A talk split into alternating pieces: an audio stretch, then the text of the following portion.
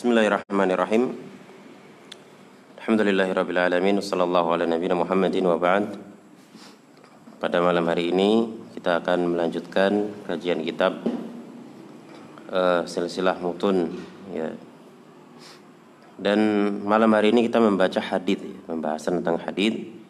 Sebagaimana yang telah kami sampaikan, insyaallah kitab-kitab matan tersebut akan kami bawakan syarahnya dari apa yang disampaikan oleh para dosen di program Kuliatul Ulum Syariah wal Arabiyah dan kita masuk pada pembahasan kitab Umdatul Ahkam. Ya.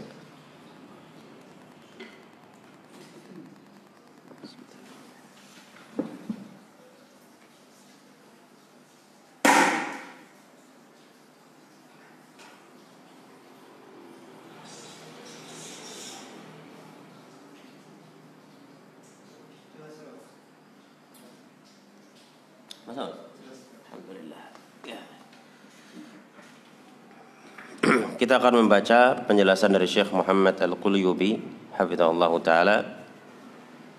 E, Pertemuan pertama dari kajian kitab tersebut ya, Saya terjemahkan ya Saya tidak banyak mensyarah Hanya menjelaskan e, Menerjemahkan apa yang disampaikan oleh beliau.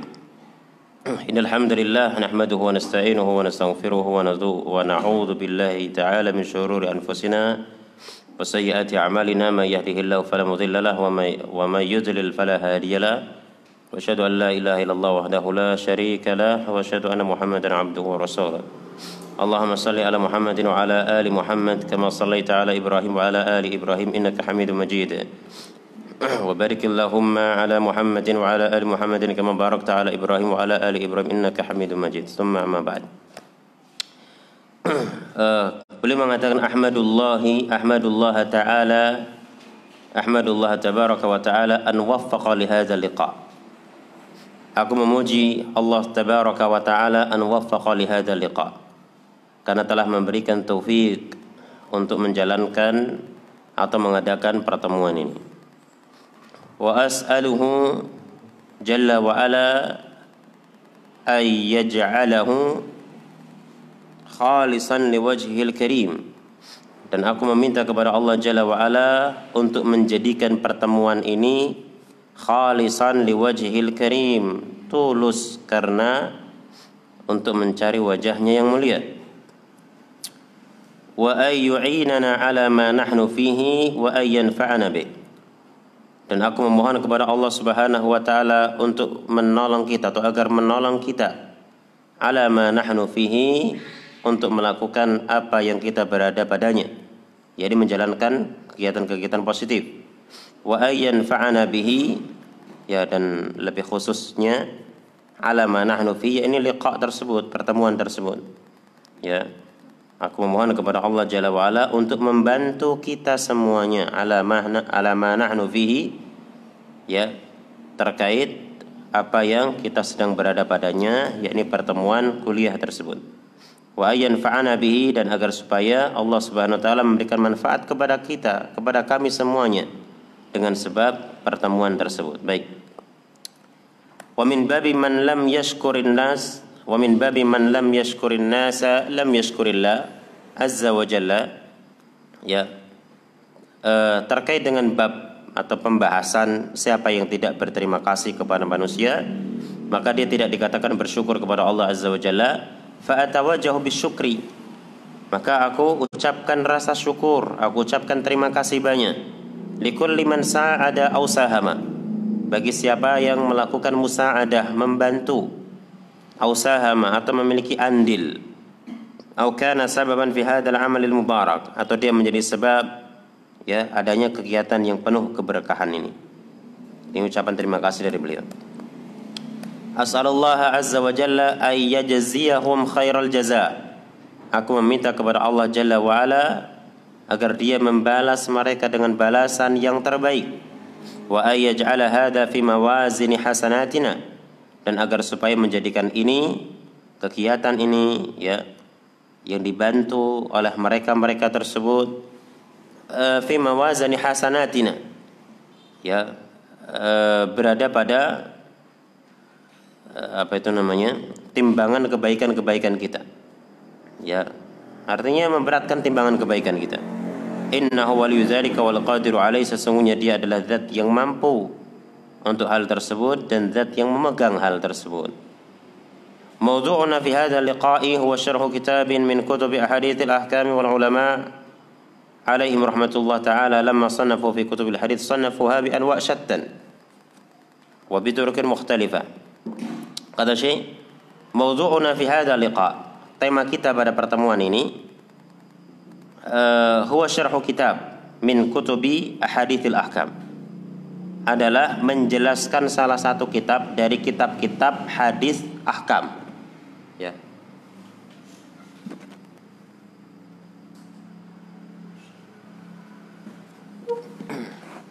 Jadi tema pertemuan ini kata Syekh adalah menjelaskan satu kitab dari kitab-kitab hadis ahkam. Yakni hadis-hadis yang memuat hukum-hukum Kata Syekh wal ulama alaihim rahmatullah taala. Para ulama semoga rahmat Allah Subhanahu wa taala tercurah kepada mereka. Lama sannafu fi kutubil hadith tatkala mereka menyusun kitab-kitab hadith. Jadi penting ya untuk diketahui. Sannafuha bi anwa'in syattan. Mereka menulis kitab hadith itu bi anwa'in syattan. Dengan berbagai macam jenis. Ya atau berbagai macam model wabiturukin mukhtalifatin dan dengan cara yang berbeda-beda. Jenisnya beda-beda, caranya beda-beda. Hadhihi turuqu ikhtalafat bihasbil maqsud. Bihasabil maqsud min hadha ta'lif wal gharad minhu. Ya. Cara yang beraneka ragam ini atau jalan-jalan yang beraneka ragam ini ini sesuai dengan maksud penulisan dan tujuan penulisan jadi kenapa beraneka ragam model penulisan para ulama hadis ya ini dilihat dari sisi tujuan mereka menulis kitab itu. Maksud mereka menulis kitab itu. Ya. Demikian pula wa kadzalika bihasbin atau bih, wa kadzalika bihasabin wa kadzalika bihasabil fatrah az-zamaniyah. Demikian pula perbedaan tersebut disebabkan karena al-fatrah az-zamaniyah periode penulisan periode penulisan allati ulifat fiha hadhil kutub yang mana kitab-kitab itu ditulis pada periode itu atau pada zaman itu. Ya, jadi eh, apa itu namanya? Penulisan yang beraneka ragam ini pertama tergantung tujuan penulisnya. Maksud penulisnya buat apa? Ya. Demikian pula apa itu namanya? Eh, demikian pula waktu atau masa penulisan. Masa penulisan, periode penulisan kitab itu berbeda. Ya, kalau kita apa itu familiar dengan kitab-kitab, kitab itu akan berbeda. Model penulisannya di antaranya dipengaruhi oleh kapan kitab itu ditulis. Kitab ulama dahulu dengan ulama sekarang berbeda modelnya. Ya, berbeda modelnya. Baik. Wa ta'lif aw tasnif bada'a qadiman min ba'di ahdin nubuwah. Ya, kalau maksud penulisan yang mempengaruhi gaya penulisan apa maksudnya? Wallahu alam ya kadang seorang itu menulis sebuah kitab hadis ini maksudnya untuk siapa gitu ya? Misalkan untuk ulama atau misalkan untuk orang awam nah, itu pengaruh seperti itu. Kemudian wa ta'lif tasnif bada qadiman min ba'di ahdi nubuwah penulisan atau penyusunan kitab itu dimulai sejak masa lalu dari setelah masa kenabian. Ya. Fa awwalu man sannafa fil haditsin nabawi wal imamu malik. Ya. Yang pertama kali menulis kitab hadis nabawi adalah Imam Malik rahimahullah. Jadi yang pertama kali menulis kitab hadis itu siapa? Imam Malik bin Anas rahimahullah. Ya. Berarti Imam madhab yang kedua fasannafa kitabahu Al-Muwatta. Beliau menulis kitab beliau yang bernama kitab Al-Muwatta. Jadi Al-Muwatta itu kitab hadis yang pertama kali ditulis. Wa hunaka kutubun ukhra ulifat fi zamanil Imam Malik aidan. Nah, di sana ada kitab-kitab yang lain yang ditulis pada zaman Imam Malik juga. Sunnifat fil hadith illa annaha lam tasil ilaina. ditulis dalam disiplin ilmu hadis hanya saja kitab-kitab tersebut tidak sampai ke kita. Ya jadi kita pertama kali yang sampai ke kita itu Imam Malik. Dan Imam Malik yang pertama kali menulis kitab. Pada masa beliau banyak orang menulis kitab kitab hadis ya menyusun kitab hadis tapi tidak sampai ke kita. Ya subhanallah ini berkahnya kitabnya Imam Malik rahimahullah taala. Kitab-kitab yang ditulis di masa Imam Malik ya itu manuskripnya pada hilang. Sehingga kita nggak tahu. Kemudian kata Syekh Al-Qulyubi hafidhahullah kanu fi hadhihi al-fatrah yajma'una al-haditha wa yudawwinunahu wa yadhkurunahu bi isnadihi mereka pada periode itu pada periode itu ini periode zamannya Imam Malik dan setelahnya ya mereka mengumpulkan hadis-hadis Nabi wayudawwinunahu dan menyusunnya wayadhkurunahu dan menyebutkan hadis tersebut bi isnadihi dengan sanatnya. Sanat itu nama-nama perawi. Kalau sebagian ulama kontemporer membahasakan silsilatul ruwat al-musilah ilal matan ya. Rangkaian rawi yang menyampaikan kepada matan. Hadasana fulan qala hadasana fulan. Itu namanya apa? Isnad Nah, pada masa itu mereka menulis hadis atau menyebutkan hadis atau membukukan hadis dengan menyebutkan sanad. Mithlu ayyaqul al-muhaddithu haddatsana fulan an fulan an fulan ila ayyasila bil isnadi ila nabi sallallahu alaihi wasallam. Contohnya seorang ahli hadis mengatakan telah memberikan hadis kepadaku kepada kami si fulan dari si fulan dari si fulan sampai sanad tersebut sampai kepada Nabi sallallahu alaihi wasallam. Ya. Yeah. Wa kana hadha zamanu yusammunahu zaman riwayati. Ya. Dan masa tersebut mereka menyama, menyebut dengan masa ar-riwayah atau zaman ar-riwayah. Jadi penulisan uh, buku hadis dengan menyebutkan sanad-sanad itu mereka sebut dengan apa? Masa atau zaman ar-riwayah. واستمر الأمر على هذا إلى أن جاء الإمام البخاري عليه رحمة الله بعد الإمام مالك فصنف كتاب الصحيح ثم جاء الإمام مسلم وصنف الجامع الصحيح أيضا Nah, kemudian kata Syekh Al-Qulyubi, "Wastamarra al-amr ala hadha." Urusan atau perkara penulisan hadis ini terus berlangsung ala hada dengan model semacam ini. Ya. Ila an al Imam Al-Bukhari alaihi rahmatullah sampai datang masa Imam Al-Bukhari. Sampai datang Imam Al-Bukhari rahimahullah. Ba'dal Imam Malik. Ya, tentu ini setelah Imam Malik. Ya. Fasannafa kitabahu as-sahiha. Lalu beliau menulis kitab beliau yang terkenal dengan kitab apa? Kitab Sahih, Sahih Bukhari. Ya. Thumma ja'a al-Imam Muslim kemudian datang al-Imam Muslim wa sannafa al-Jami' as-Sahiha. Lalu beliau menulis kitab Al-Jami' as-Sahih. Muridnya Imam Al-Bukhari. Thumma ja'a ba'dahum ashabus sunanil arba'ah. Kemudian setelah mereka datanglah para penulis kitab sunan yang empat. Ya, Al-Imam Abu Dawud As-Sijistani, kemudian wal Imam Tirmidzi, kemudian wal, wal Nasa'i, kemudian wa Ibnu Majah, wa wa ghairuhum dan selain mereka min ashabil kutubil hadithiyatil ma'rufa ya dari para pemilik kitab-kitab hadis yang terkenal. Kulluhum kana yadhkuru haditha Rasulillah bi isnadihi mereka semuanya menyebutkan hadis-hadis Rasulullah dengan sanatnya. Ya. Wastamar al-amru ala hada wat tasnif ala hada dan urusan penulisan hadis penyusunan hadis istamara ala hada berlangsung dengan model semacam ini fasun fasunnifat muallafatun katsiratun fi hadits Rasulillah. Maka ditulislah tulisan-tulisan yang banyak ya tentang hadis-hadis Rasulullah. Sehingga pada masa itu tulisan hadis begitu sangat banyak. Kitab-kitab hadis. Kemudian wasalana katsirun minha.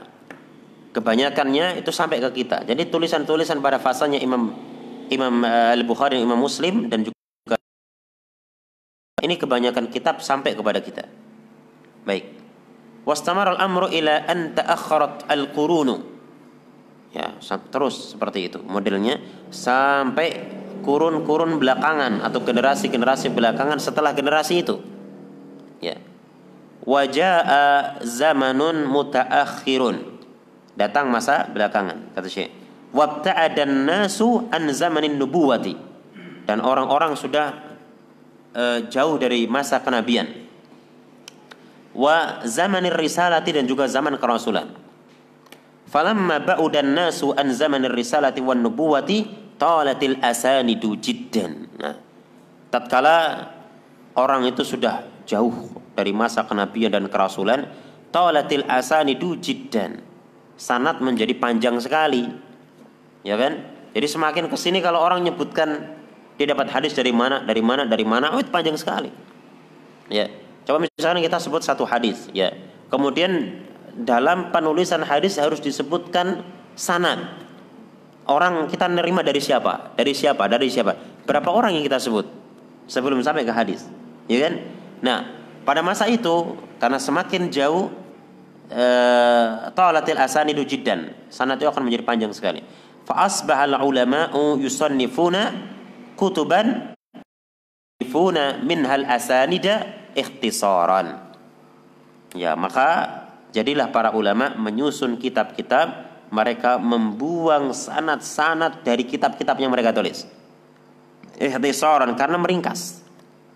Ya, jadi pada masa itu sudah nggak disebutin lagi yang memberi hadis saya ini ini, hadis sanad enggak sampai Rasulullah. Ya, mereka membuang sanad. Ya. Li'alla yatulal kitab agar supaya kitab tidak menjadi panjang. Ya. Wa'tadu an dzikril isnadi bi azwil hadithi ilal kutub mereka membahasakan uh, mereka membiasakan penyebutan sanad cukup dengan menisbatkan hadis kepada kitab-kitab allati akhrajathu yang mengeluarkan hadis tersebut atau meriwayatkan hadis tersebut. Ya. Contohnya, maksudnya apa? Ini disebutkan sama saya. Misru ayat koral haditha fi kitabihi. Seorang ulama menyebutkan hadis dalam kitabnya. Wa yadhkuru ya wa yadhkuru as-sahabi alladhi rawahu. Dan dia menyebutkan sahabat yang meriwayatkannya. Summa ba'dal intihai min riwayatil hadithi.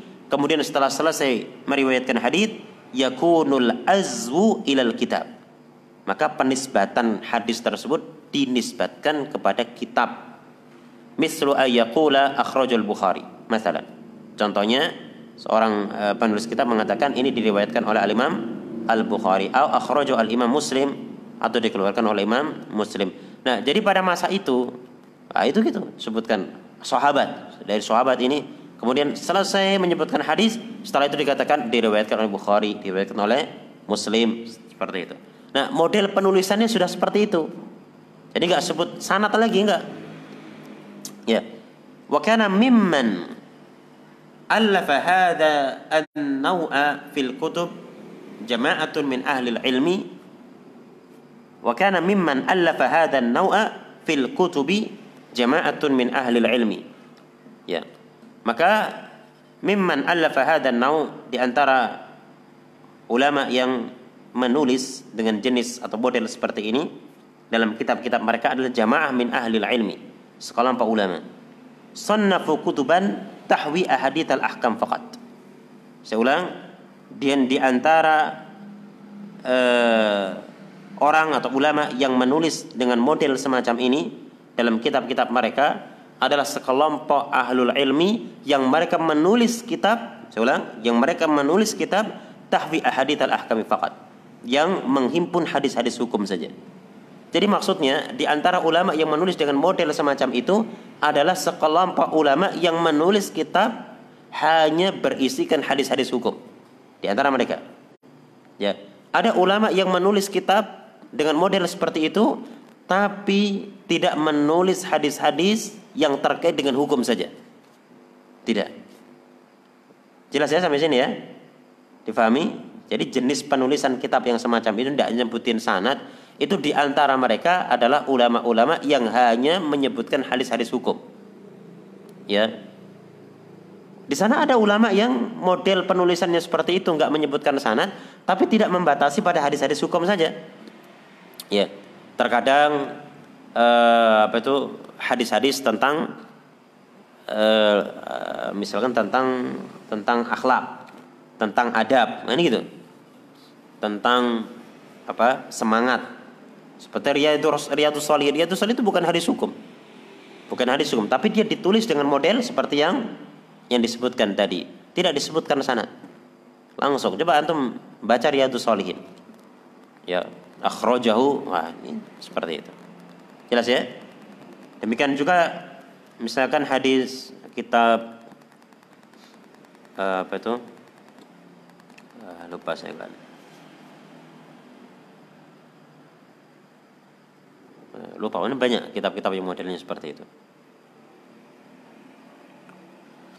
Baik, selanjutnya kata Syekh Muhammad Al-Qulyubi, wa hadithul ahkam. Hadis-hadis hukum itu apa? Wa hadithul ahkami hiya al-ahadithu al-muta'alliqatu bil fiqhi atau bil halali wal harami. Hadis-hadis ahkam adalah hadis-hadis yang terkait dengan fikih atau terkait dengan halal dan haram. Nah, maksud hadis ahkam, ahkam adalah hadis-hadis yang terkait dengan pembahasan fikih atau hadis-hadis yang terkait dengan permasalahan ini halal ini haram. Ini hadis-hadis apa? Ahkam. Fakana min awwali man sannafa fi hadha an-naw'i min at-tasanifi min at-tasanifi li ahadithil ahkami huwa al-Imam Abdul Ghani al-Maqdisi al-mutawaffa ala ra's al-qarn as-sadis al-hijri sanata 600 min al-hijrah. Kata Syekh dan di antara yang pertama kali menulis dengan model atau jenis seperti ini dari tulisan-tulisan yang ada ya terkait dengan hadis-hadis hukum adalah Imam Abdul Ghani Al-Maqdisi yang wafat ala ra'sil qarni sadis di penghujung abad yang ketujuh eh, abad yang keenam Hijriah sanata sit mi'a minal hijrah tahun 600 Hijriah. Ya. Allafa kitabahu Umdatul Ahkami. Beliau menulis kitab beliau Umdatul Ahkam. Yang insyaallah kita akan kaji ya hadis-hadisnya. Wa huwa yani hadzal kitab alladhi sayakunu baina aidina fi hadhihi al-liqa'at mubarakah insyaallah taala. Itu adalah kitab yang ada di depan kita yang uh, apa itu? Di hadhihi liqa'at al-mubarakah yang ada pada pertemuan-pertemuan yang berberkah ini insyaallah taala. Wa aidan mimman ulifa fi hadha naw' mimman fi hadha naw' minat tasanifi al-majdu ibnu taimiyah.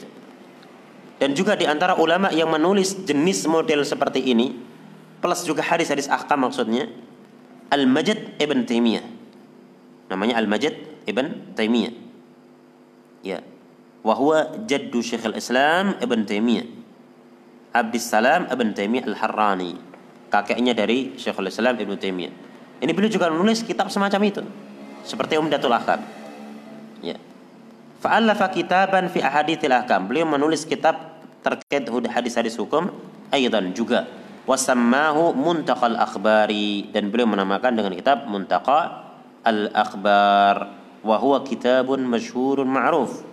Dan kitab Muntaqal Akhbar ini kitab yang sangat masyhur dan sangat ma'ruf, sangat dikenal. Ya. Wa ashharu minhu syarhuhu. Dan lebih masyhur darinya syarahnya, yakni dia punya syarah, syarahnya itu lebih masyhur daripada kitab kitab aslinya. Ya, lebih masyhur daripada kitab aslinya. Ya. Wa huwa kitabu Nailul Autar, wa huwa kitabu Nailu al-Autar. yakni kitab Nailul Autar lil Imam Syaukani ali rahmatullah. Ya, karya Imam Syaukani kitab ini ya. Nailul Autar. Itu matanya namanya Muntakhal Akhbar. Karena karya dari uh, kakeknya Ibnu Taimiyah. Ya, Kitabnya masyur, tapi lebih masyur lagi syarahnya Nailul Autar. Karya Al-Imam Syaukani. Kalau Al-Imam Syaukani itu beliau setelah masa Imam uh, setelah masa Syekh Muhammad bin Abdul Wahab. Ya. Jadi Syekh Muhammad bin Abdul Wahab usia 40 tahun Imam Syaukani lahir. Ya. Tapi kalau kitab Muntakhul Akhbar ini kitab yang dikarang oleh kakeknya Ibnu Taimiyah. Bayangkan Ibnu Taimiyah tahun berapa? Ya.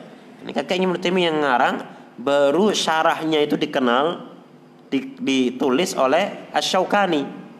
Ya, kalau sekitar tahun 600, 600, 700, 800, 900, 1000, 1100, 1000, 1200. Berarti berapa? 700 tahun ya. 700 tahun sudah nulis hadis-hadis tentang hukum ya. 700 tahun maksudnya tahun itu dia nulis hadis-hadis tentang hukum 700 tahun setelahnya ada ulama yang mensyarah dan ini kitabnya lebih masyur daripada kitab kitab hadisnya. Luar biasa. Ya, selanjutnya.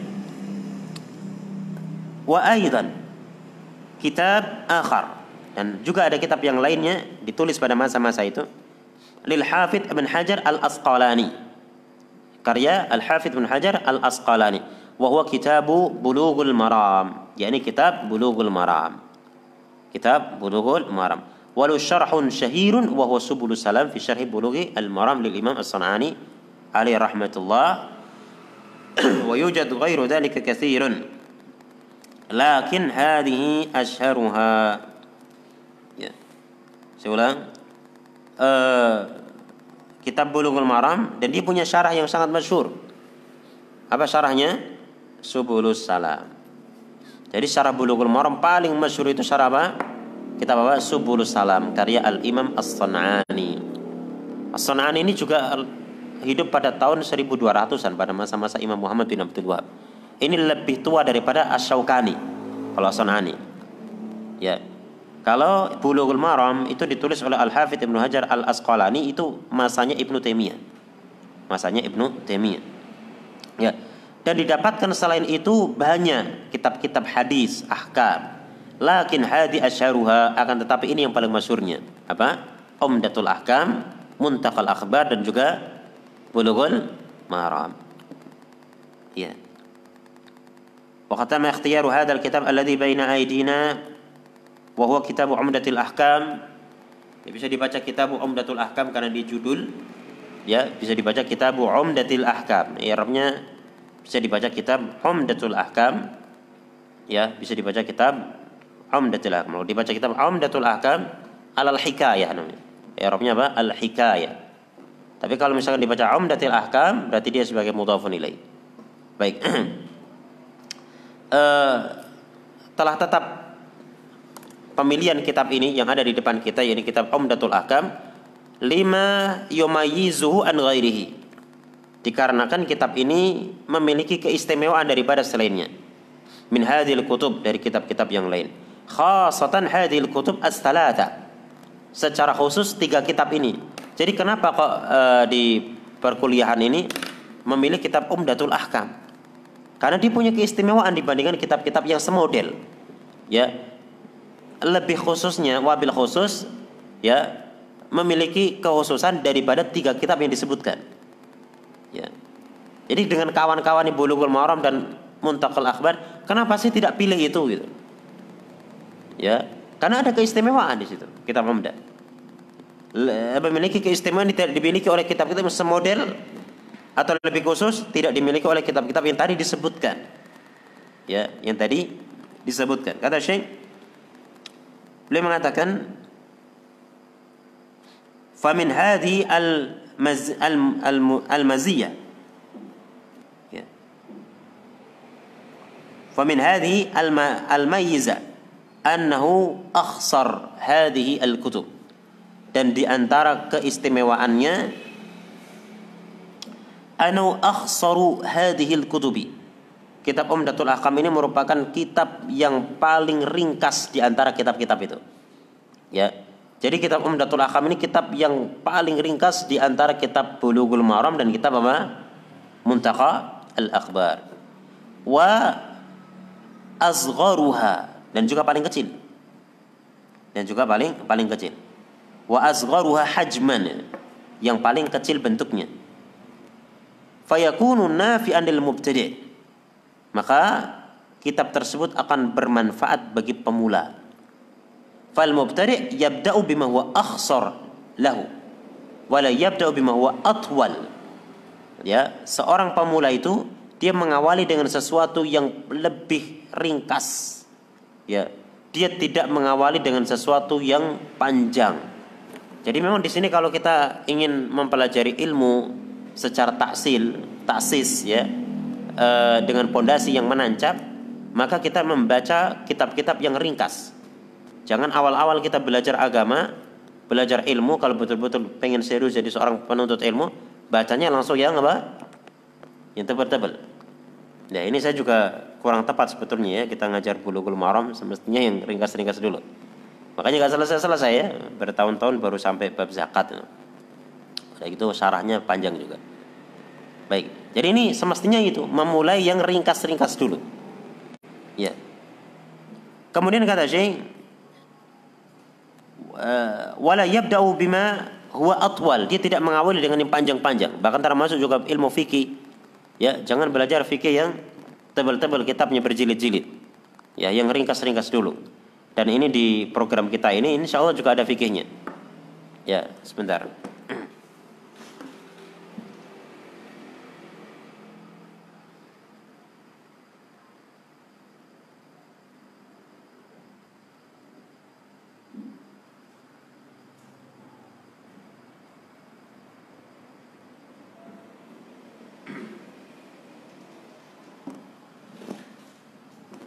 Ya, ini program kita ini program kitab yang ringan-ringan seperti akidah ini, segini aja akidahnya. Ya. Kemudian Umdatul Ahkam itu segini nih hadis-hadisnya. Ya, kecil kitabnya dibandingkan dengan Bulughul Maram, ya. Kalau fikih juga segini. Ya, jadi kita nggak pakai yang lebar-lebar berjilid-jilid karena memang seperti dinasihatkan oleh para ulama. Ya dan insya Allah targetnya satu tahun selesai ini kitab ini kita ya di program ini insya Allah satu tahun selesai. Nanti kalau sudah nggak ada corona, ya mungkin jadwalnya ada penyesuaian. Baik selanjutnya, ya seorang pemula dia tidak mengawali dengan sesuatu yang panjang, yang tebal. Khasyatan lil malal wasa'ama wa khasyatin lil inqita. Khawatir dia bosan, khawatir nanti akan mutung di tengah jalan. Ya. Akhsaru hadil kutub. Ini adalah kitab yang paling ringkas dari akhsaru hadil kutub salata. Yang paling ringkas dari tiga kitab di atas.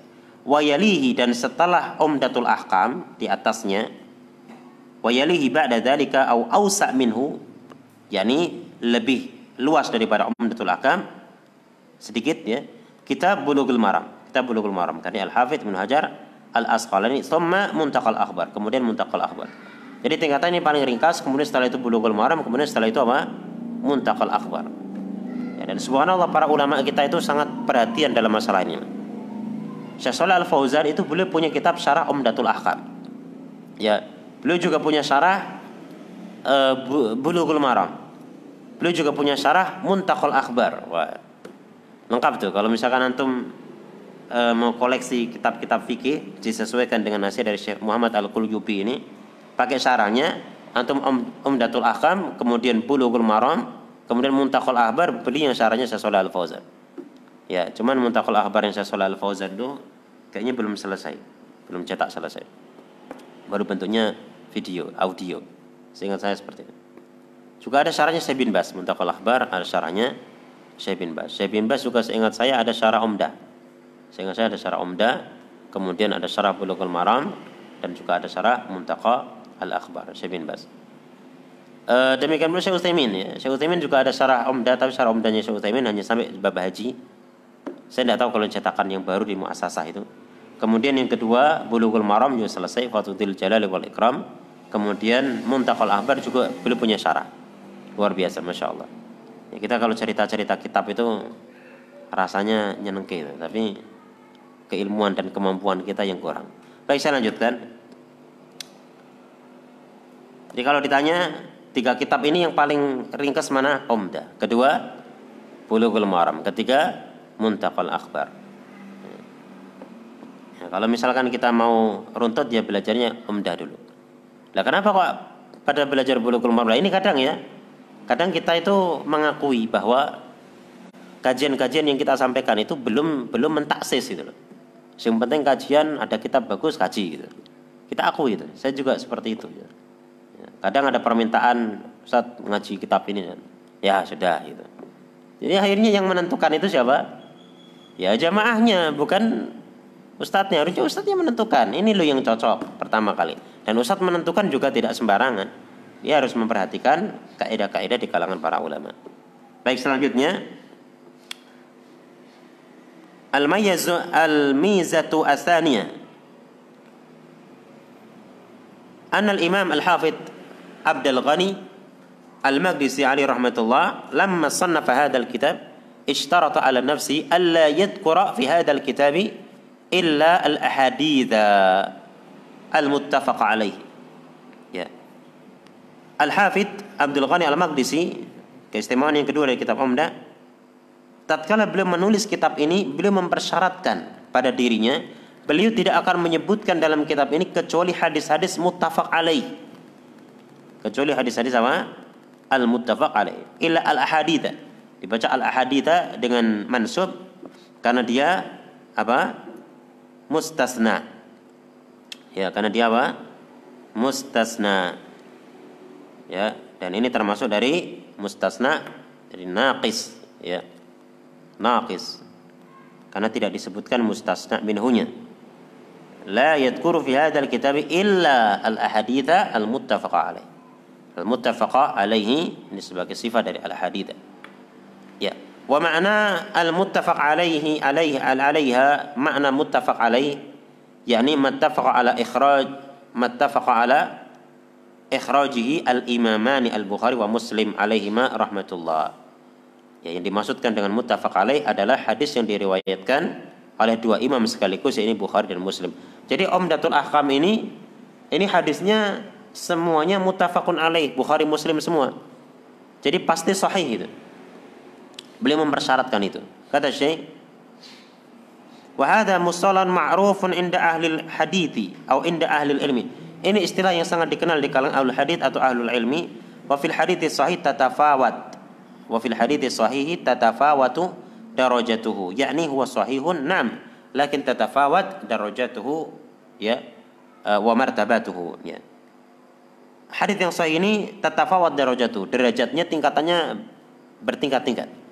Jadi hadis sahih ini tingkatannya apa? Bertingkat-tingkat ya. Iya betul itu hadis sahih. Tapi dari sisi derajatnya tingkatannya dia bertingkat-tingkat. Martabatnya bertingkat-tingkat.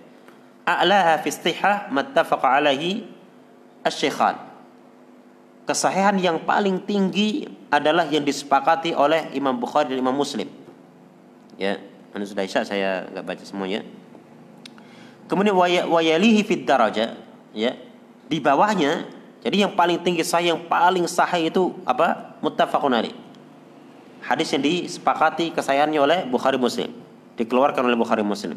Nah, di bawahnya di bawahnya man farada bil Bukhari wahdahu. Hadis yang diriwayatkan oleh Imam Bukhari saja. Itu di bawahnya. Ya.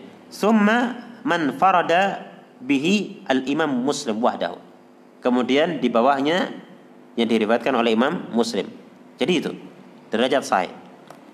Idan hadal kitab yamtazu bi anal ahaditha allati ja'at fihi fi a'la darajati sihah.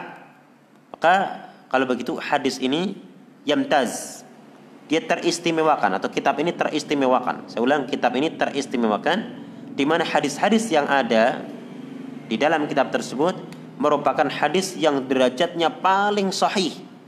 Nah, itu keistimewaan berikutnya. Ya. Wa kadzalika bil ikhtisar kama kama dzakartu anifan. Demikian pula uh, dia terbedakan karena hadisnya itu kitab kitab ini kitab yang yang ringkas.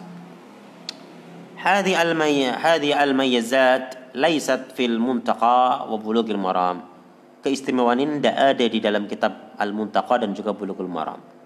Lakin Al-Muntaqa wa Bulughul Maram yakni yafuqani hadzal kitab hadzal kitaba fi janibin akhar. Tapi Bulughul Maram dan Muntaqal Ahbar dia mengungguli kitab ini dari sisi yang lain. Ala wa innahuma aktsaru jam'an li hadithil ahkam minhu ya dua kitab ini lebih banyak mengumpulkan hadis-hadis hukum daripada Umdah. Ya, jadi Bulughul Maram dan Muntakul Akhbar ini kalah dengan Umdah dari sisi apa? Kesayangan hadis-hadis yang ada. Karena Umdah ini Bukhari Muslim semua. Ya, tapi uh, Bulughul Maram dan Muntakul Akhbar ini lebih tinggi mengungguli Umdah dari sisi banyaknya hadis-hadis ahkam yang terkandung atau yang eh, tersimpan di dalamnya. Baik. Kemudian selanjutnya yakni huna fi kitab al-umda ishtarata al-musannif alla yakhruja alla yukharrija fihi illa mattafaqa alai asy-syaikhan. Dalam kitab Umda penulis mempersyaratkan tidak akan meriwayatkan hadis kecuali yang disepakati oleh Bukhari Muslim. Lakin fil kutubil ukhra akan tapi dalam kitab-kitab yang lain eh, jumi'at maja'a inda sakhin wa ja'u aidan bil hadits التي ذكرها الإمام أبو داود والنسائي والترمذي وأصحاب السنة مع أن الإمام الحافظ عبد الغني المغرز قد اشترط على نفسه ألا يذكر في كتابه هذا إلا ما اتفق عليه آه، الشيخان إلا أنه في بعض المواطن قد ذكر أحاديث قد انفرد بهما البخاري وحده أو قد انفرد بها مسلم وحده. Ini saya ringkaskan saja. Kalau kitab-kitab yang lain itu selain menyebutkan Bukhari Muslim juga disebutkan hadis-hadis yang lain riwayat yang lain Abu Dawud, Nasai, Tirmidzi sehingga terkadang dalam Bulughul Maram atau Muntakal Akhbar terdapat hadis-hadis yang apa? yang dhaif. Ya, terdapat hadis-hadis yang yang dhaif. Kemudian uh, Al-Imam Abdul Ghani Al-Maqdisi sekalipun beliau mempersyaratkan yang terdapat dalam umdah adalah hadis muttafaqun alaih. Setiap hadis Bukhari Muslim, hadis Bukhari Muslim. Ya, hadis Bukhari Muslim. Tapi di sana terkadang ada beberapa hadis yang ternyata hadis itu hanya dikeluarkan oleh Bukhari saja atau dikeluarkan oleh oleh Muslim saja. Baik. Uh, tapi di sini saya mengatakan ala kulli hada la yakhrujul kitab wala yanzilu ahadithu an manzilatiha fi istiha. Apa pun itu kitab ini tidak akan turun derajat hadis-hadisnya dari derajat sahih. Zalika li'anna al-ahadith allati dzukirat fi ahadith fi ala derajat istiha. Karena hadis yang disebutkan di sini adalah hadis yang berada pada tingkatan hadis tertinggi. Ya, jadi tidak masalah walaupun hanya Bukhari saja atau Muslim saja karena ini masih dalam apa? tingkatan hadis ter tertinggi, ya kan? Paling tinggi Bukhari Muslim, kemudian Bukhari saja, kemudian Muslim saja. Kemudian berikutnya Wah ini masih panjang ini. Dari 12 halaman baru 5. Ini pada marif itu tidak cukup nih. Tapi ini kita komitmen ya, kajian kitab ini mas. Jadi kalau panjenengan misalkan mau nyimak, ya tapi saya terpaksa harus cepat. Ya, jangan bisa mengharokati karena ini masih gundul mutlak gitu. Nggak ada harokatnya sama sekali. Karena berupa transkrip ya. Jadi kalau misalnya jenengan mau, ya berarti nanti saya share jenengan print karena ini belum ada kitabnya. Transkrip ya. Seminggu sekali, seminggu sekali. Ya. Tapi ini tidak selesai. Ya, saya lanjutkan ya sampai nanti iqamah. Kemudian saya mengatakan Al-Imam Abdul Ghani Al-Maqdisi wal Imam Al-Hafidh. Biografi dari beliau. Al-Imam Abdul Ghani Al-Maqdisi adalah Al-Imam Al-Hafidh Taqiyuddin Abu Muhammad Abdul Ghani ibn Abdul Wahid ibn Ali ibn Suru Al-Maqdisi Al-Jumma'ili. Nisbatan atau nisbatun ila qarya tusamma Jama'il. Ini nama beliau dan uh, beliau disebut dengan Al-Maqdisi Al-Jama'ili. Ini nisbah ke satu desa yang bernama Jama'il. Wa qaryatun yuqalu annaha fi Nablus. Ya, ini sebuah desa yang disebut-sebut berada di Nablus fi ardi Palestina, di bumi Palestina. Summal Maqdisi kemudian beliau juga dinisbatkan kepada Al-Maqdis, yakni nusiba ila Baitul Maqdis, dinisbatkan kepada Baitul Maqdis. Liannahu wulida fi Jama'il thumma sakana Baitul Maqdis karena beliau dilahirkan di Jama'il di daerah Nablus, Palestina. Kemudian beliau tinggal di Baitul Maqdis. Di kawasan Baitul Maqdis. Wa yuqalu lahu Al-Maqdisi. Maka beliau disebut dengan Al-Maqdisi. Abdul Ghani Al-Maqdisi. Wa huwa yunsabu ila madhabil Imam Ahmad. Ya. Dan beliau dinisbatkan kepada madhab Imam Ahmad. Jadi madhab fikihnya adalah madhab apa? Hambali. Ya. Fahuwa min aimatil Hanabilah wa min kibari muhaddisi dan beliau termasuk dari para imam madhab Hambali dan termasuk dari ulama-ulama besar ahli eh, termasuk dari ulama besar ahli hadisnya madhab Hambali. Nah, ini termasuk dari imam madhab Hambali dan termasuk juga ulama besarnya ahli hadis di madhab Hambali. Gitu.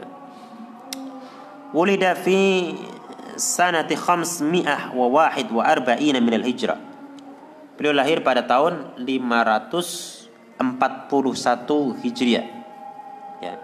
وقد ولد في بيت علم ولو قريب في سنه من من أقرانه وكان رفيقا له في طلب العلم وهو ابن عمته وهو الإمام الموفق ابن قدامة المقدسي عليه رحمة الله صاحب كتاب المغني لابن قدامة وصاحب كتاب الكافي وصاحب كتاب المقنع وهو من متوسط الحنابلة ya uh, beliau melanjutkan beliau dilahirkan di rumah yang penuh dengan ilmu ya uh, dan beliau punya punya uh, qarib ya teman dekat walau qaribun fi sini beliau punya punya teman yang seusia maksudnya ya dari akrannya akran ya dari kawan dekatnya atau dari orang dekatnya bahkan rafiqan lahu fi ilmi dan orang tersebut ini menyertai beliau Abdul Ghani Al-Maghdisi dalam rihlah menuntut ilmu. Siapa nama temannya itu? Imam nama temannya itu adalah anak dari bibinya. Berarti siapa? Keponakan.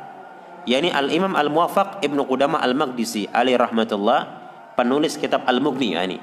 Al-Mughni. Ini temannya ini ponakannya Abdul Ghani Al-Maqdisi.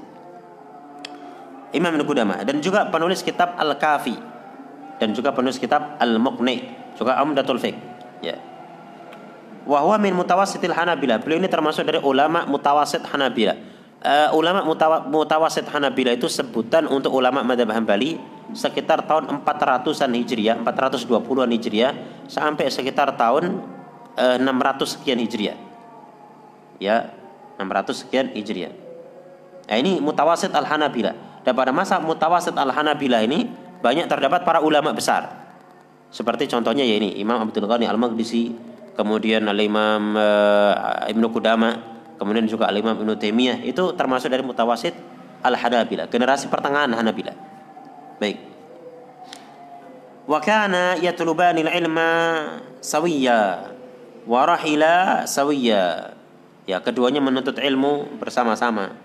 Ya, melakukan perjalanan bersama-sama ila Baghdad, ke Baghdad. Wal taqaya hunaka bil Imam Abdul Qadir Al-Jilani. Dan keduanya di Baghdad bertemu dengan Imam Abdul Qadir Al-Jilani. Siapa beliau? Ya, Syekh Abdul Qadir Al-Jilani. Nah, ini gurunya dari Abdul Ghani Al-Maghdi. Jadi kalau kita belajar ini berarti kita belajar ya dari muridnya siapa? Syekh Abdul Qadir Al-Jilani Al-Jilani min a'immatil Hanabila dan Syekh Abdul Qadir Al-Jilani termasuk dari imam-imam madhab Hambali. Nah, jadi Abdul Qadir Al-Jilani itu madhab apa? Ah, Hambali beliau, termasuk imamnya. Wa qara alaihi syai'an min al-ilmi dan beliau membaca kepada Syekh Abdul Qadir Al-Jilani sedikit dari ilmu. Ini disebutkan dalam kitab yang lainnya seperti uh, Taisirul Alam, Surah Umdatul Akam. Uh, beliau ini tidak banyak berjumpa dengan Syekh Abdul Qadir Al-Jilani karena beliau keburu meninggal. Syekh Abdul Qadir keburu keburu meninggal. Lakin al-muwaffaq Ahmad ibn Abdi, ibn Abdullah ibn Qudamah ali rahmatullah kanat inayatuhu bil fiqh aqsar. Kanat inayatu bil fiqh aqsara minhu bil hadith. Ya. Akan tetapi Al-Imam Ibnu Qudamah perhatian beliau terhadap fikih lebih banyak daripada hadis. Artinya konsentrasi Imam Ibnu Qudamah itu ke fikih lebih daripada ke hadis. Ya. Makanya Imam Ibnu Qudamah karya-karya fikihnya sampai berjilid-jilid tapi beliau tidak punya karya fikih, eh, karya hadis yang tidak punya beliau buku hadis. Ya. Wal imam Abdul Ghani Al-Maqdisi kanat inayatuhu bil hadits aqsara ya. Dan Imam Abdul Ghani Al-Maqdisi perhatian terhadap hadis lebih banyak daripada terhadap apa? Terhadap fikih uh, kemudian saya mengatakan wala ya'ti ila dhihnik ana ibn Qudamah kana la yafhamu fil hadith. Tapi jangan sampai kau berpikir bahwa Imam, Imam Ibnu Qudamah itu walaupun fokus ke fikih beliau nggak tahu hadis. Jangan berpikir kayak gitu. Au ana Abdul Ghani Al-Maghdisi kana la yafhamu fil fikih. Atau Abdul Ghani Al-Maghdisi nggak paham fikih. Ah, jangan berpikir kayak gitu. La. Fal ulama kanu jama'in kanu mawsu'at ilmiah. Para ulama itu punya karya-karya karya-karya ilmiah, mawsu'at yang sifatnya ensiklopedi. Banyak uh, luas pembahasannya. Fatajidul alim minhum imaman fil fikih kau akan mendapati di antara mereka ada yang imam dalam masalah fikih ya jadi ulama itu ada yang tulisannya banyaknya fikih ada banyaknya hadis kayak gitu. Kau akan mendapati di antara mereka ada imam dalam fikih atau imam dalam hadis atau imam hakada fil ulum kulliha au fi aktsariha. Lakin al-inayah al-balighah kanat li Imam Abdul Ghani Al-Maqdisi, tapi perlu diperhatikan terkait dengan Imam Abdul Ghani Abdul Ghani Al-Maqdisi perhatian terbesar beliau kanat bil hadith aksar minhu minha bil fikih. Perhatian terhadap hadis lebih banyak daripada terhadap fikih bi khilafil muwafaq aban kudama berbeda dengan al muwafaq aban kudama. Ya. Ini sudah komat ya sholat dulu. Kalau panjenengan misalkan mau ngikutin sampai selesai monggo. Tapi kalau misalkan mau pulang juga tidak apa-apa. Insya Allah saya akan eh, lanjutkan. Karena ini juga ada kepentingan yang lain selain dari majelis di rumah belajar ini. Wallahu taala alamu bisawab. Eh, kita break dulu dengan sholat isya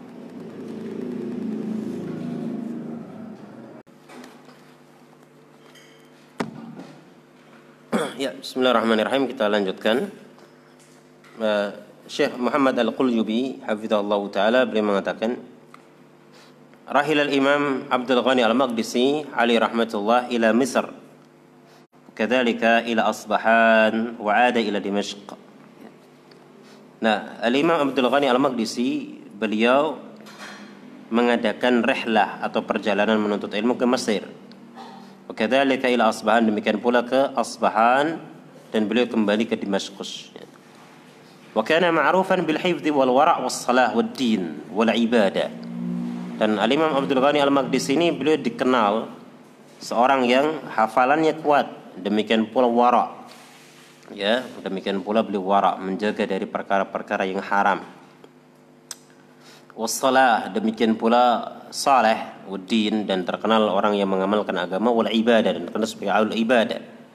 Terkenal sebagai ahlu al ibadah al ilmi wa hakadha yanbaghi an yakuna sya'na tullab al ilmi ya.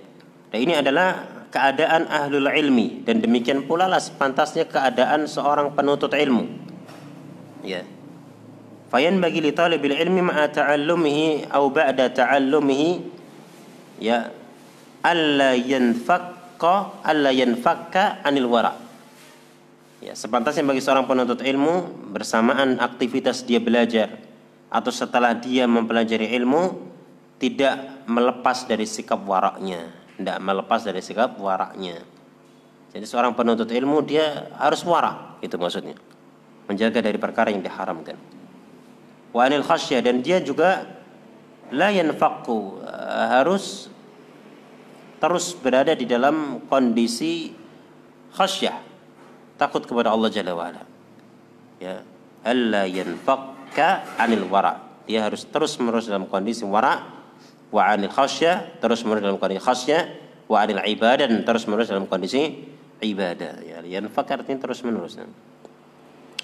Kemudian wa alla wa illa fa innal ilma idza kana bima'zilin an hadhihi al-umur Fa'ina fa'ina yadhurru sahiba.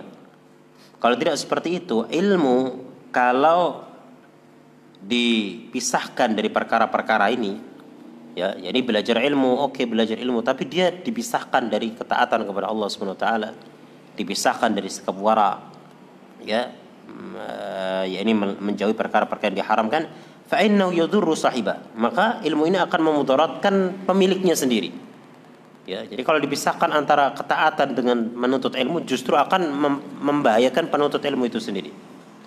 Wala yanfa'uhu dan tidak akan bermanfaat kepadanya, bal yakunu wabalan alai.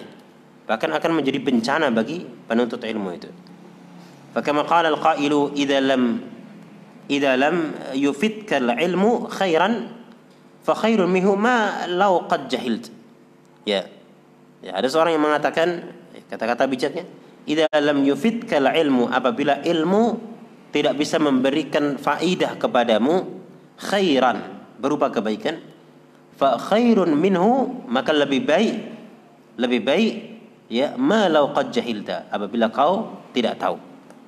Jadi kalau ilmu itu tidak bisa memberikan faidah kepada kita mendingan tidak tahu gitu. Mendingan tidak tidak tahu.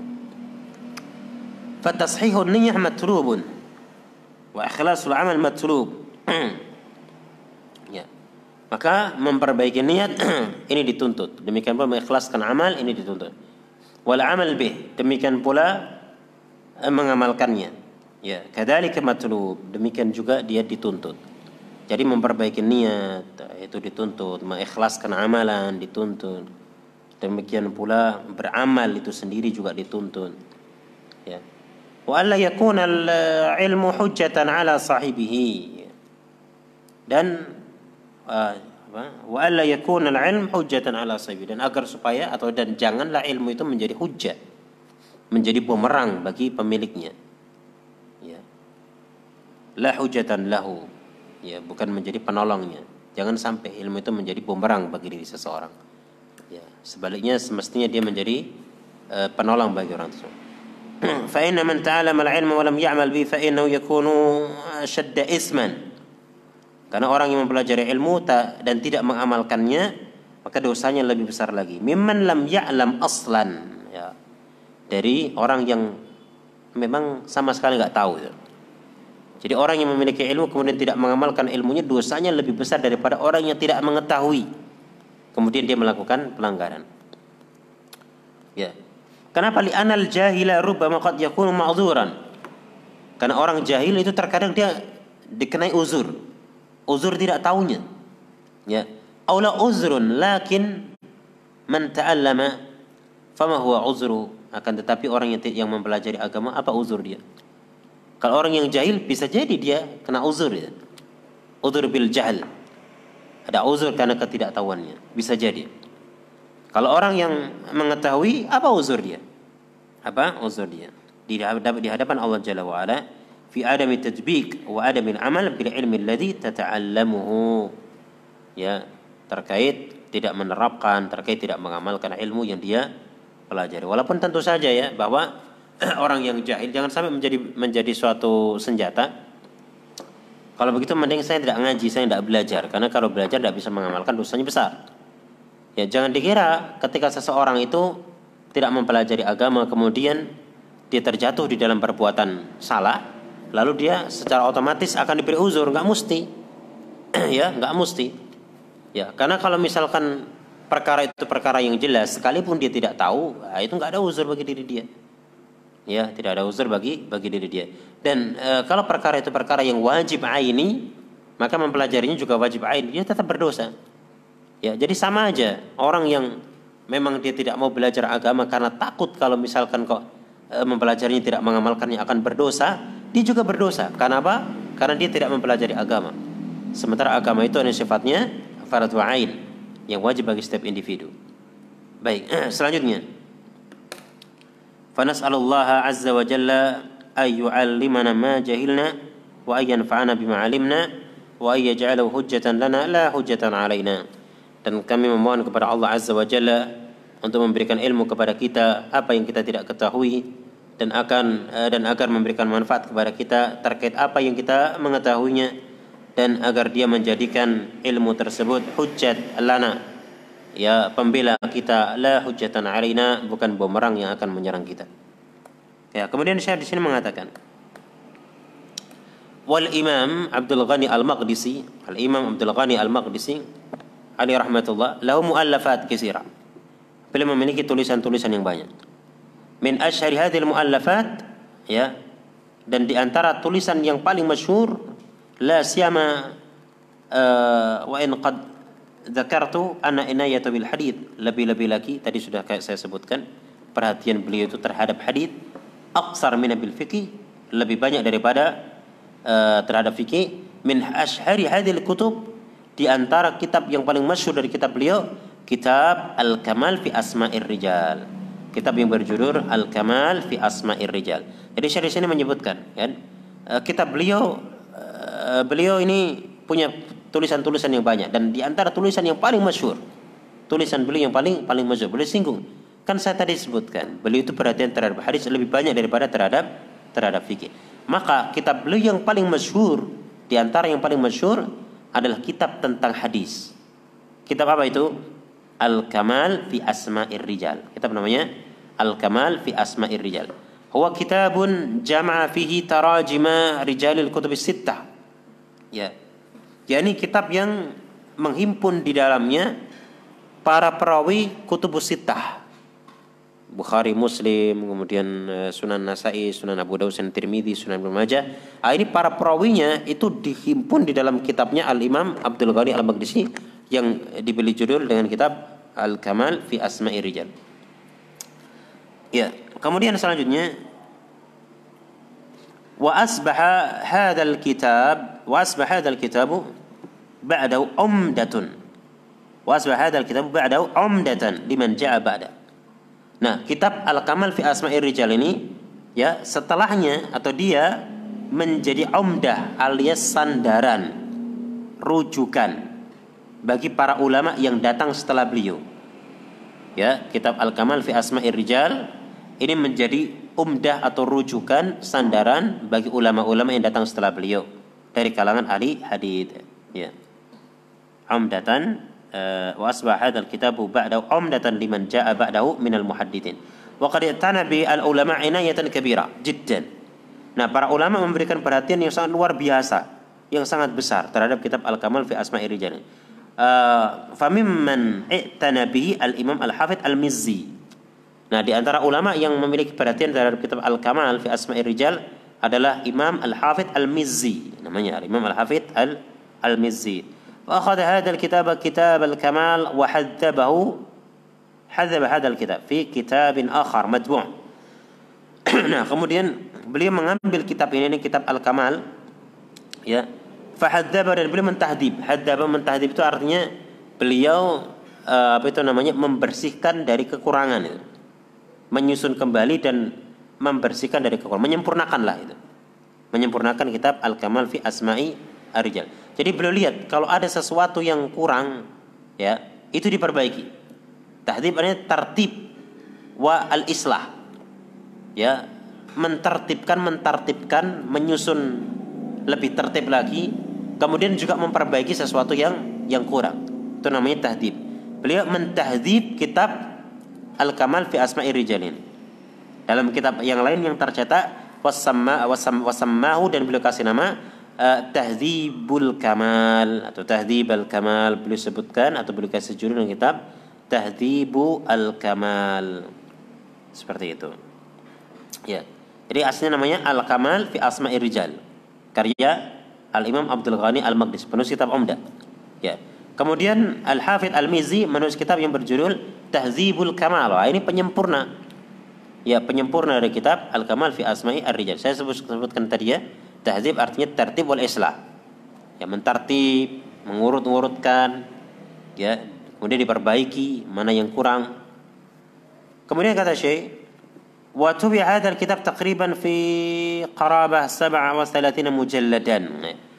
Dan kitab ini Tahdibul Kamal dicetak ya kurang lebih kira-kira kata Syekh 37 jilid. Ya, menyebutkan nama-nama perawinya 37 jilid. Wasara umdatan lil muhadditsina. Kitab Tahdzibul Kamal ini akhirnya menjadi sandaran bagi ahli hadis ya juga ya. Thumma jaa man hadzaba al-kitab. Ya, Al-Mizzi ba'da wa, wa thumma jaa man kitab Al-Mizzi ba'da. Kemudian setelah itu datang ulama yang mentahdzib kitabnya Al-Mizzi. Jadi tahdibul kamal ini hasil tahdib dari kitab Al-Kamal fi Asma'i Rijal. Nah, ulama setelahnya ada yang datang namanya Al-Hafidh Al-Dhahabi. Al-Hafidh Al-Dhahabi. Beliau mentahdib kitab Tahdibul Kamal. Ya. Wahadzaba min hadzal kitab wasamau tahdibut tahdib. Nah. nah, kemudian beliau mentahdib kitab Tahdibul Kamal ya dan beliau kasih nama kitabnya ini kitabnya Al-Hafidh Al-Dhahabi dengan nama Tahdhibut Tahdhib wa huwa matbu' aidan. Kira innahu fi asrati mujalladat. Ada yang mengatakan kitab ini 10 jilid. Ya. Wa allafa ba'dahu kadzalika al-kashif. Kemudian eh, setelah itu wa allafa ba'dahu kadzalika al-kashif Nah, setelah al eh, apa? Ad-Dhahabi setelah itu uh, Al-Kashif ya, yang menulis juga. Allah alam saya belum memahami kalimat ini. Wa alafa ba'dahu kadzalika Al-Kashif. Al-Kashif ini apakah nama kitab ataukah nama ulama? Ya, saya belum mengetahui. Nanti saya saya rawati ini. Wa alafa ba'dahu Ya, zahirnya Al-Dhahabi ya Al-Dhahabi beliau juga menulis setelah setelah kitab Tahdhib Tahdhib ini kitab yang berjudul Al-Kashif Wallahu alam saya kurang begitu paham mas nanti saya cek lagi ثم جاء الحافظ ابن حجر الأسقلاني عليه رحمة الله فهذب التهذيب ya kemudian datanglah Al-Hafidh Ibn Hajar Al-Asqalani rahimahullah dan beliau mentahdib kitab tadi jadi kitab Tahdhib Tahdhib karya uh, uh, Dhahabi ini ditahdhib lagi oleh Al-Hafidh Ibnu Hajar Al-Asqalani judulnya Tahdhib Tahdhib. Ini tahdhib-tahdiban ya. ya. Wa huwa matbu'un aidan. Ya. Ah, Allahu a'lam. Mana al-kashif coba.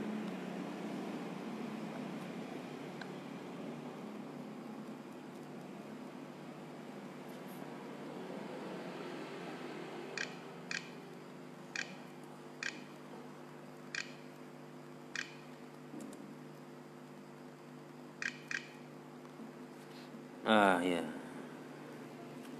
Jelas ya. Saya saya ulang tadi bacaannya. Ya, tadi kan dikatakan bahwa datang setelah Al-Imam Al-Mizzi, seorang ulama namanya Al-Imam Ad-Dhahabi, beliau mentahdib kitabnya Al-Mizzi. Ya. Sehingga kitabnya atau dan kitabnya dinamakan dengan Tahdhibut Tahdhib. Wa madbu aidan qila innahu fi asyrati mujaladat. Ada yang mengatakan 10 jilid. Wa allafa ba'dahu. Wa allafa yani Ad-Dhahabi Al-Dhabi menulis setelah itu setelah mentahdib tadi beliau menulis kitab yang berjudul Al-Kashif. Al-Kashif nama kitab. Maaf Al-Kashif ini ini nama kitab. Beliau menulis kitab yang namanya Al-Kashif. Jadi Al-Dhabi punya tahdibu tahdibu tahdib ini hasil hasil hasil mentahdib karya Al-Mizzi ya. Kemudian beliau menulis kitab Al-Kashif. Kemudian datang setelah itu Al-Hafidh bin Hajar Al-Asqalani. Beliau mentahdib kitabnya Al-Hafidh Az-Zahabi yang berjudul Tahdhibu Tahdhib. Nah, beliau kasih nama apa? Tahdhibu Tahdhib juga. Dan ini tercetak juga. Wa allafa aidan kitab Taqrib at-Tahdhib. Kemudian Al-Imam Al-Imam Ibnu Hajar Al-Asqalani menulis lagi kitab yang berjudul Taqribut Tahdhib. Ini mendekatkan ya uh, mendekatkan pemahaman terhadap kitab Tahdhibut Tahdhib. Dan subhanallah di kalangan ulama ini tidak disebutkan oleh saya di sini di kalangan ulama di masa ini di antara yang menghafal kitab Tahdhibut Tahdhib ya karya Imam Ibnu Hajar Al Asqalani tadi adalah Syekh bin Bas ya. Syekh bin Bas. Syekh bin Bas itu hafal sekitar 80% kitab Tahdhibut Tahdhib. Makanya Syekh bin Bas ini ketika ada rawi-rawi hadis yang ada di Kutubus beliau bisa meng meng mengetahui rawinya sahih eh, apa tidak siqah. Baik, selanjutnya Kullu hadhil kutub tajiduha mutafarri'atan wa mutawallidatan min kitabil kamal. Nah, uh, semua kitab ini kau mendapatinya mutafarri'ah merupakan uh, cabang atau mutawalidah atau terlahir min kitabil kamal lil hafid Abdul Ghani al-Maqdisi lil hafid Abdul Ghani al-Maqdisi ya jadi kau mendapati bahwa kitab-kitab tadi ada namanya eh, uh, Tahdibul Kamal kemudian uh, Tahdibul Tahdib Taqribut Ta'dim. Ini merupakan kitab mutafarri'ah. Mutawallidah min Kitabil Kamal. Nah, ini kitab yang yang yang apa itu namanya bercabang atau terlahir dari kitab Al-Kamal fi Asma'i Rijal karya Al-Hafidh Abdul Ghani Al-Maqdisi. Wa huwa al-kitab alladhi baina aidina atau al-katib alladhi baina aidina. Ini penulis yang kitabnya ada di tangan kita. Kemudian selanjutnya هذا الكتاب كتاب مهم جدا ومن أهم ومن أهمية هذا الكتاب أنه له شروح كثيرة منها معاصر Nah, kitab ini ini kitab Umdatul Ahkam ini sangat penting sekali dan di antara pentingnya kitab ini dia memiliki syarah atau penjelasan yang banyak. Jadi Umdatul Ahkam ini syarahnya banyak. Di antaranya ada kitab syarah klasik, kodim klasik, ada kitab kontemporer. Jadi ada syarah ulama dahulu, ulama mutaqad, uh, ulama klasik, ada kitab karya ulama uh, kontemporer syarahnya ya. Uh, min hadhihi al-kutub al-qadimah allati syarad hadha al-kitab wa hiya al-kutub al-mu'tamadah. Kitabul Umdah Syarhul Umdah. Nah, di antara kitab-kitab klasik yang mensyarah kitab ini ya wahia al-kutub al-mu'tamadah. Dan ini kitab-kitab klasik ini kitab yang mu'tamadah. Kitab yang menjadi sandaran. Ya, menjadi sandaran. Yang biasanya para ulama-ulama e, belakangan yang mensyarah kitab Umdatul Ahkam, nah ini juga menggunakan rujukan dari kitab-kitab klasik tersebut yang disebut dengan kitab yang uh, yang mu'tamadah, kitab yang menjadi sandaran yakni kitab Al-Uddah Syarah Al-Umdah. Ini di antara kitab ulama uh, mutaqaddim atau ulama klasik yang mensyarah Umdatul Ahkam, kitab yang berjudul Al-Uddah. Al-Umdah fil hadits wa hunaka Al-Uddah Syarah Al-Umdah fil fiqh. Ya, fatubi'a Al-Uddah Syarah Al-Umdah fil fiqh. Ya. Uh, di sini saya mengatakan uh, Al-Uddah itu ada dua, ada Syarah Umdatul Ahkam karya Abdul Ghani Al-Maqdisi ada al-udah syarah fikih Al-udah syarah umdah, umdah fikih. Jadi uh, uniknya Imam Abdul Ghani Al-Maqdisi ini menulis kitab hadis namanya Umdatul Ahkam. Ya. Kalau diterjemahkan sandaran terkait hukum-hukum Islam Atau bisa di, boleh dibilang sandaran terkait hadis-hadis hukum. Ya. Teman beliau, kor, korin beliau tadi yang merupakan keponakan beliau Imam siapa Ibnu Qudamah Al-Maqdisi ini menulis kitab dasar fikih itu juga namanya umdah tapi namanya umdatul fikih ya. Ini satu uh, fokus ke hadis satu fokus ke fikih punya kitab umdatul fikih nah uniknya kitab umdatul ahkam ini di antara ulama yang mensyarah dikasih judul al-uddah al al-uddah ya al-uddah syarah al-umdah nah kitab umdatul fikih ini juga ada ulama yang mensyarah dikasih judul juga Al-Uddah. Sama sama namanya. Ya, Al-Uddah fi Syarh Al-Umdah sama. Tapi umdah yang hadis dan umdah yang yang fikih. Selanjutnya.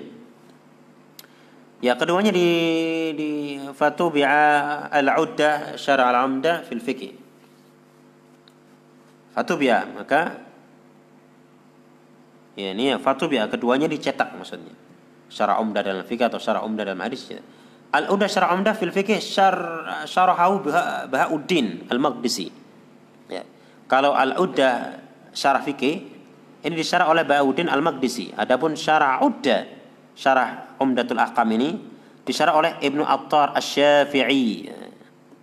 Jadi kalau Al-Udah Syarah Umdah Al-Ahkam penulisnya adalah Ibnu Al-Attar Asy-Syafi'i.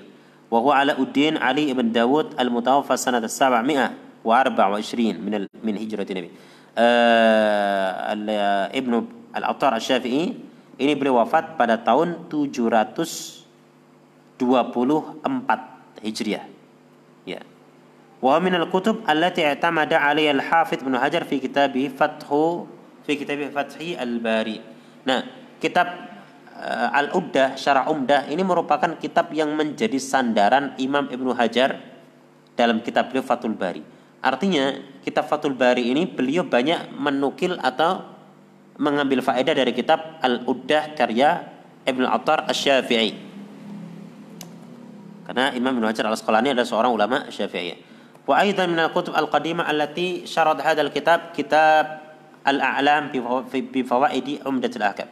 Nah, di antara kitab klasik yang mensyarah kitab Umdatul Ahkam adalah kitab yang berjudul Fawaidu Umdatil Ahkam. Al-I'lam bi Fawaidi Umdatil Ahkam. Al-I'lam bi Fawaidi Umdatil Ahkam. Lil Imam Abi Hafiz Amr bin Ali ibn Mulaqin. Ya, kitab yang ditulis oleh Al-Imam Abu Hafiz Amr bin Ali bin Al-Mulaqin. Wa kitabun mutawwal wa huwa awsa' al-kutub fi syarhi hadzal kitab. Nah, kitabnya Al-Imam Ibnu Al-Mulaqin ini, kitab Al-I'lam bi Fawaidi Umdatil Ahkam uh, adalah kitab yang paling panjang dan paling luas pembahasannya dari atau ya dari kitab-kitab syarah yang ada. Jadi syarah Umdah yang paling panjang itu adalah kitabnya siapa? Al-Imam Ibn Al-Mulaqin, Amr bin Ali Ibn Al-Mulaqin. Ya. Kemudian Al-Imam Ibn Al-Mulaqin ini wafat pada tahun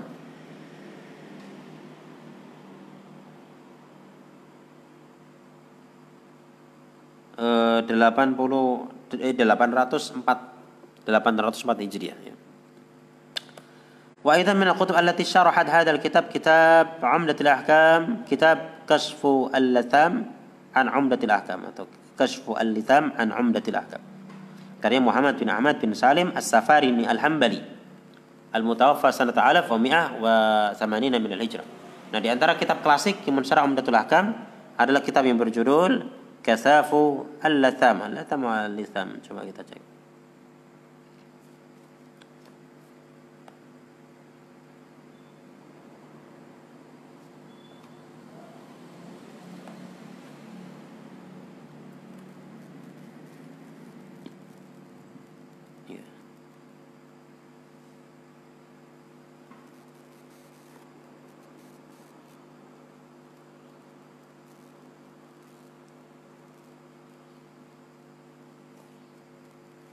judulnya kitab Al-Lusam ya macam Al-Lusam, kitab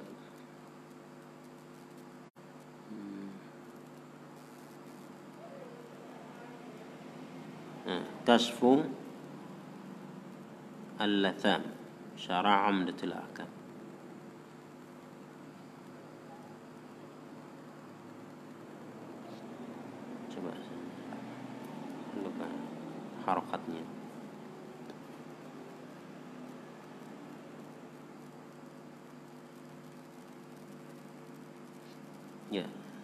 kita lanjutkan.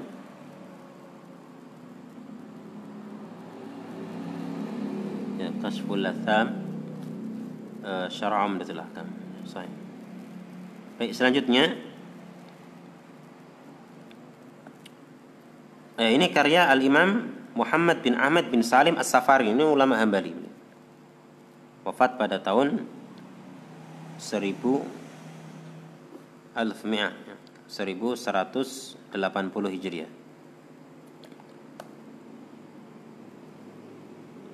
Ya, saya terjemahkan aja.